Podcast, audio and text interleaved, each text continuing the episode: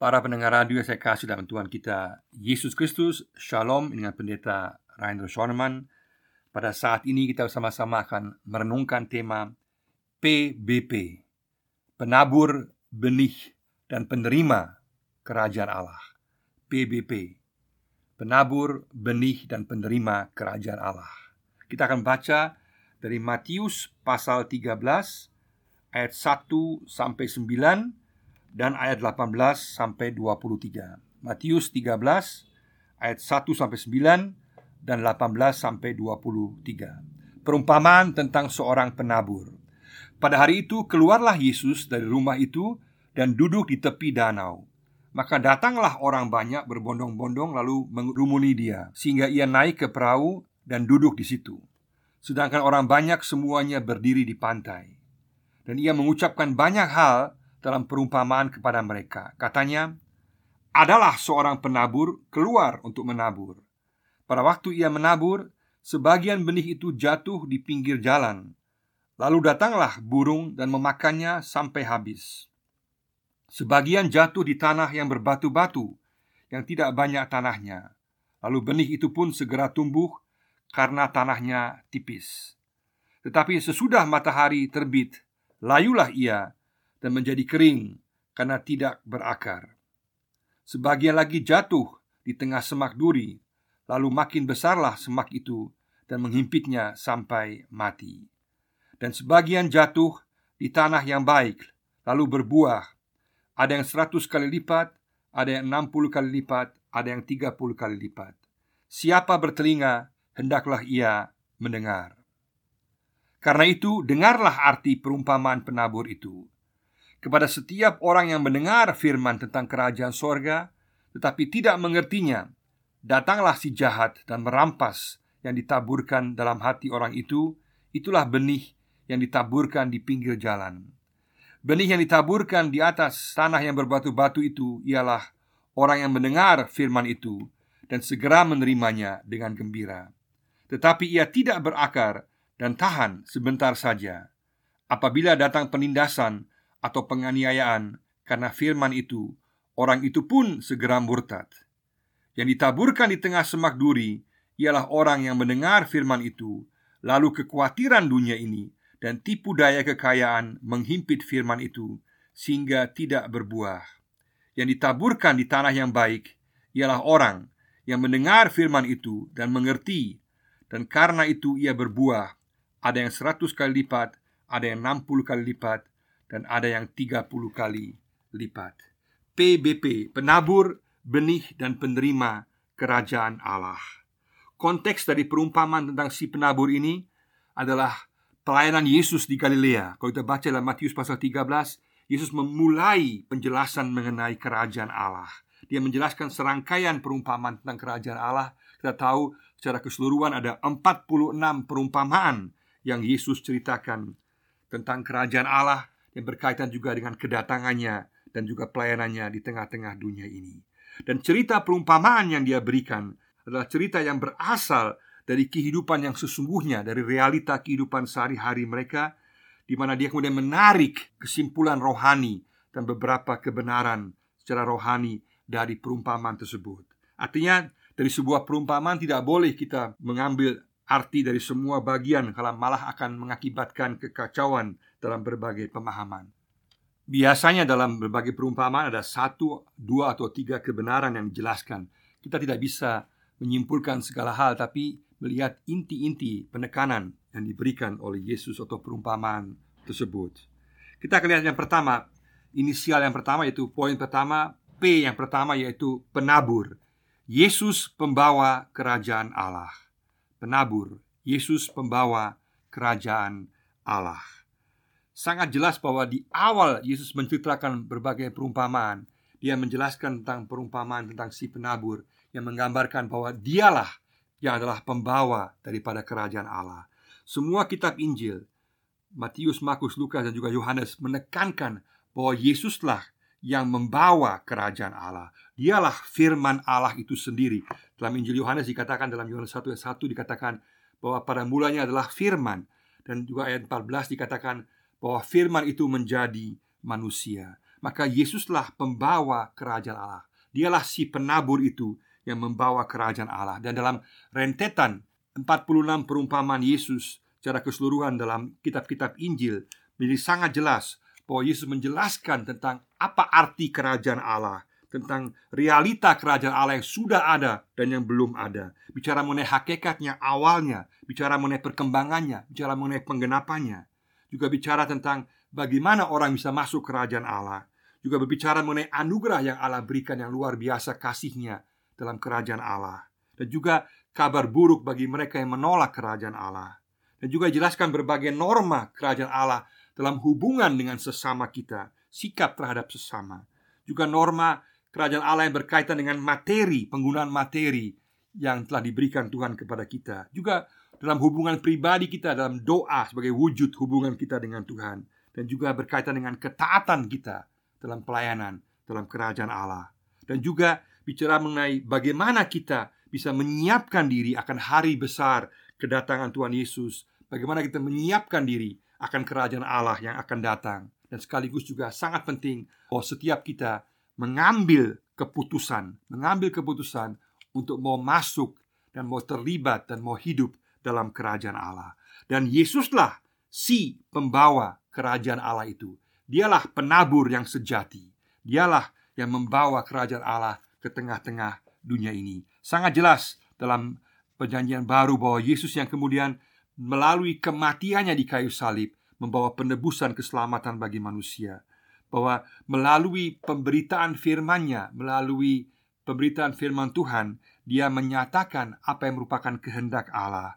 Dan juga ia kemudian mengutus Roh Kudus yang kemudian hidup di antara dan dalam orang percaya. Sungguh luar biasa sehingga Yesuslah si pembawa kerajaan Allah itu dan kita pun sebagai orang percaya, sebagai murid Yesus saat ini Kita dipanggil untuk boleh dan harus ditugaskan untuk menyampaikan firman Tuhan Menjadi penabur-penabur firman Tuhan dalam situasi di mana pun kita berada. Maka P yang pertama adalah kita lihat bahwa penabur adalah Yesus sendiri. Dialah Allah sejati. Dialah yang membawa kerajaan Allah. Itu yang pertama. Yang kedua B yaitu benih yaitu kuasa firman Tuhan. Benih yaitu kuasa firman Tuhan. Pada masa itu orang-orang berharap bahwa kerajaan Allah akan datang dengan kekuatan militer dengan hal yang bersifat supranatural dengan mengusir para penjajah. Tapi Yesus jelaskan bahwa kerajaan Allah bukan datang dengan kekuatan militer, bukan datang dengan hal yang bersifat supranatural pada saat itu yang bersifat luar biasa, tetapi pertama-tama dan terutama kerajaan Allah didirikan dan berkembang berdasarkan kepada kuasa firman Tuhan. Dan juga kita lihat bahwa Yesus sendiri yang menyampaikan firman Tuhan itu Dia juga mendapat perlawanan yang besar dari keluarga dan juga dari teman-teman dekatnya Maka gambaran tentang si penabur ini juga melambangkan bagaimana pelayanan Yesus itu sendiri Yang juga mendapatkan tantangan dari banyak orang Karena menabur adalah sesuatu yang kelihatannya lemah, yang kelihatannya tidak berarti, bahkan benihnya akan mudah binasa oleh berbagai hal.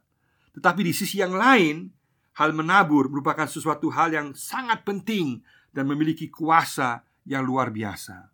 Pelayanan Yesus merupakan pelayanan yang menaburkan firman Allah yang kelihatannya sepertinya tidak berguna, tetapi melaluinya kerajaan Allah didirikan. Maka di sini fokusnya adalah kepada kuasa firman Tuhan itu sendiri dan kemudian apa yang terjadi dengan benih-benih itu terhadap para penerimanya. Kalau kita baca dalam perjanjian baru sangat jelas bahwa firman Tuhan memiliki kuasa yang luar biasa. Dalam Yakobus 1 ayat 21 dikatakan bahwa kita dipanggil untuk menerima firman Tuhan yang dapat menyelamatkan kita. 1 Petrus 1 ayat 23 mengatakan bahwa kita telah diberikan firman Allah yang memberikan kepada kita kehidupan kekal. Juga Paulus dalam Kolose 1 ayat 5 dan 6 mengatakan bahwa firman yang kebenaran adalah firman yang dapat membawa buah dan membuat kita dapat bertumbuh sehingga kita memperoleh keselamatan, kita memperoleh hikmat, kita memperoleh kekuatan penghiburan dan kita akan hidup bersama-sama dengan Tuhan oleh karena firman itu sendiri. Maka pemberitaan firman Tuhan merupakan hal yang prioritas, hal yang utama Yesus sendiri menyatakan bahwa dia menyampaikan firman Tuhan, dia menaburkan firman Tuhan meskipun dia juga melakukan berbagai mujizat yang luar biasa, menunjukkan keilahian yang luar biasa. Tetapi apa yang terutama dia lakukan adalah pemberitaan firman Tuhan. Dan hal yang sama juga berlaku untuk kita bahwa bagi gereja Tuhan, bagi setiap orang percaya, tugas kita adalah menyampaikan firman Tuhan karena kuasa firman Tuhan memiliki kuasa untuk menyelamatkan, memperbaharui, untuk menyatakan yang benar, untuk memberikan pengharapan, untuk memberikan penghiburan, untuk menyatakan kehendak Allah bagi kehidupan pribadi kita, kehidupan jemaat kita, dan juga kehidupan di tengah-tengah masyarakat. Benih firman Tuhan memiliki kuasa yang luar biasa, sehingga pemberitaan firman Tuhan adalah cara Tuhan untuk kemudian memperluas kerajaan surga, memperluas kerajaan Allah, untuk membawa keselamatan bagi dunia. Di sini Yesus memberikan gambaran yang sangat biasa, yang sangat umum pada waktu itu, yaitu seorang penabur yang dengan tas yang dikalungkan pada lehernya dan juga bahunya berjalan menaburkan benih di sepanjang jalur-jalur tanah. Dia tidak memperhatikan apakah benih itu jatuh di pinggir jalan atau di tempat yang dangkal, yang berbatuan atau semak duri. Meskipun demikian, dia jelas menabur dengan tujuan supaya benihnya akan tumbuh. Karena tanpa hasil tumbuhan, maka jelas bahwa penaburnya tidak membawa hasil dan tidak berguna.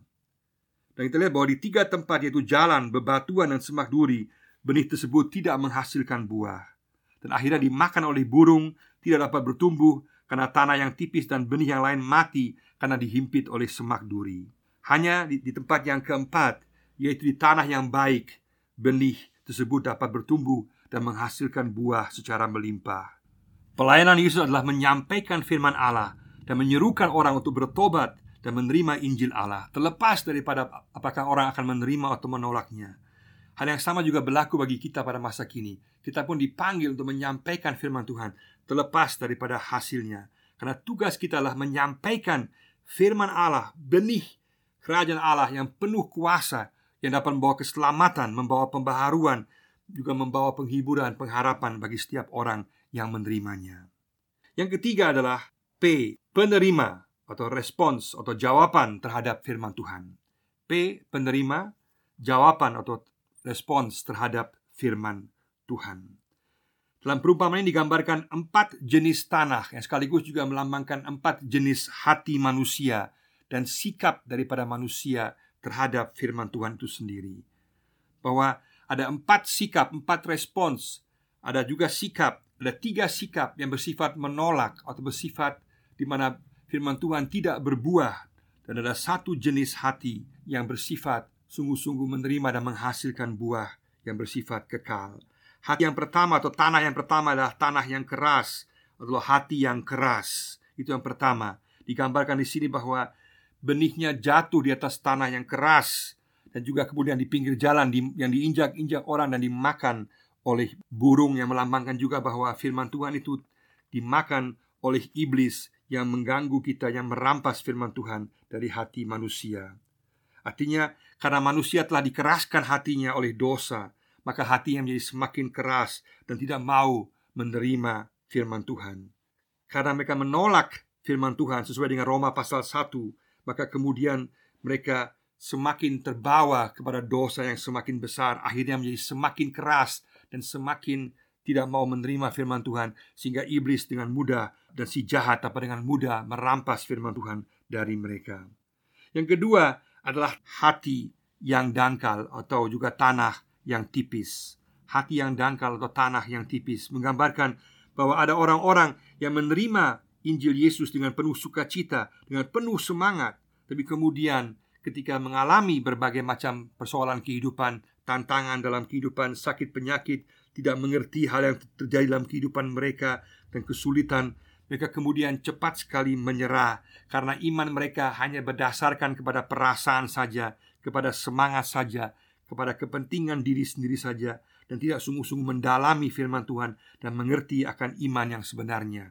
Sehingga mereka kemudian awalnya semangat tapi kemudian cepat sekali mereka kemudian meninggalkan Injil, meninggalkan Tuhan karena mereka mengalami berbagai kesulitan dalam kehidupan mereka. Artinya, bagi kita juga penting bahwa kata-kata kita, kebaktian kita, ibadah kita bukan secara otomatis menjadikan kita orang Kristen, tapi seharusnya kesungguhan kita bukan hanya semangat luar saja, tapi sungguh-sungguh firman Tuhan yang berakar dalam kehidupan kita. Itulah yang menjadikan kita orang percaya murid Yesus yang sejati. Jenis tanah yang ketiga adalah tanah yang terhimpit atau juga hati yang terhimpit, di mana benih itu jatuh dalam semak duri yang terhimpit.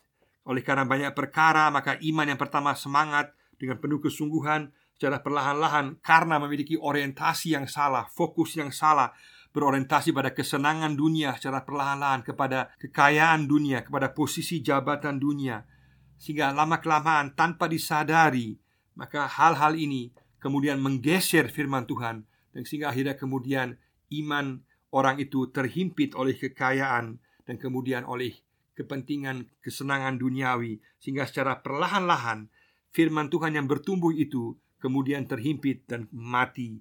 Oleh karena salah fokus, salah orientasi dalam kehidupan. Maka sangat penting bagi kita adalah sungguh-sungguh kita berfokus kepada firman Tuhan. Jangan biarkan hal-hal lain mengambil tempat dalam kehidupan kita.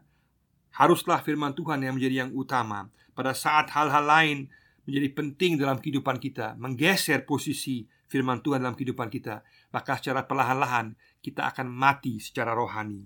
Pertama tidak kelihatan, tapi secara perlahan fokus kita, arah kita, orientasi kita akan bergeser dan kemudian kita akan mati oleh karena kepentingan dunia. Bukan saja karena firman Tuhan dirampas oleh iblis Bukan saja karena kita mengalami kendala beriman Karena mengalami kesulitan, permasalahan, tantangan, sakit penyakit Dan berbagai situasi yang sulit dalam kehidupan kita Tapi juga pada saat kita salah orientasi, salah fokus Bukan lagi pada firman Tuhan. Kita memberikan tempat kepada hal-hal duniawi. Maka firman Tuhan tidak dapat bertumbuh dalam kehidupan kita. Jenis tanah yang keempat adalah Reaksi yang keempat adalah hati yang terbuka. Hati yang terbuka Tanah yang subur. Maka ini yang digambarkan oleh Yesus Maka sikap yang sebenarnya Sikap yang tepat adalah menerima firman Tuhan Menerima pengajaran Yesus yang membawa keselamatan Sekaligus yang memberikan hikmat Memberikan pengajaran dalam cara hidup kita sehari-hari Dan juga cara kita untuk menghadapi masa depan Dan juga menghampiri kerajaan Allah di masa yang akan datang.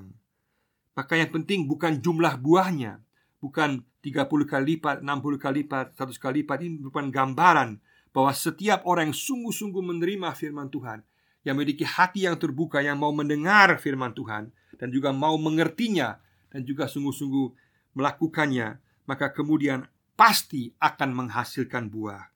Jumlah buah tidak menentukan, tapi penting bahwa kita memiliki sikap hati yang terbuka. Maka pertanyaan bagi kita saat ini adalah hati apa yang kita miliki? Apa kita miliki hati yang keras, yang menolak Tuhan, dan tidak mau Tuhan? Kita memiliki hati yang bersifat dangkal, yang semangat sebentar, yang hanya bergantung pada emosi, perasaan saja. Pada saat ada kesulitan kita menolak Tuhan, kita meninggalkan Tuhan. Ataukah kita memiliki hati yang seperti benih yang dalam semak duri, yang kemudian terhimpit, hati yang terhimpit oleh karena kepentingan-kepentingan duniawi yang secara perlahan mematikan kita? Ataukah kita memiliki hati yang sungguh-sungguh subur dalam hati yang terbuka, hati yang terbuka yang mau menerima firman Tuhan sehingga menjadi bagian dalam kehidupan kita, sehingga dalam tindakan kita, dalam pembaharuan hidup kita, dalam pelayanan kita akan menghasilkan buah, jadi berkat bagi banyak orang. Tugas kita adalah memberitakan Injil, memberitakan firman Tuhan kepada setiap orang. Sekaligus juga sikap kita yang penting adalah sikap yang terbuka kepada firman Tuhan. Dan juga yang penting bahwa kita akan membawa buah, bukan jumlahnya, tapi pada saat kita sungguh-sungguh memberikan tempat kepada firman Tuhan, maka kita akan menghasilkan buah. Maka buah dalam kehidupan kita, buah rohani, berkat bagi orang lain, bagi diri kita, dalam pelayanan kita, bergantung kepada sejauh mana kita sungguh-sungguh terbuka kepada firman Tuhan. Mari sama-sama kita menyambut Yesus sang penabur kerajaan Allah bahwa dialah pembawa kerajaan Allah bahwa dalam Yesus kita memiliki keselamatan, kepastian, hikmat kita memiliki pengharapan masa depan. Kita juga meyakini akan kuasa firman Tuhan, benih kuasa firman Tuhan yang mampu merubah manusia, yang mampu membawa keselamatan, yang mampu membawa penghiburan dan membawa pengharapan bagi manusia. Dan yang ketiga, mari sama-sama kita menjadi orang-orang yang memiliki hati yang terbuka kepada firman Tuhan sehingga kita menghasilkan buah dalam kehidupan kita. Bersama-sama kita periksa kita sejauh mana hati kita telah menjadi keras, sejauh mana hati kita menjadi dangkal, sejauh mana hati kita menjadi terhimpit, baik oleh pemikiran duniawi, baik oleh kesulitan-kesulitan yang ada. Bersama-sama kita katakan Tuhan, aku mau memiliki hati yang terbuka, hati yang terbuka bagi firman Tuhan agar menghasilkan buah dalam kehidupan saya. Engkau membawa damai, sukacita, membawa kepastian keselamatan, menjadi berkat bagi orang lain. Tuhan, aku mau memiliki hati yang terbuka jadi bagian dalam kerajaan Allah. Kiranya Tuhan memberkati kita semua. Amin.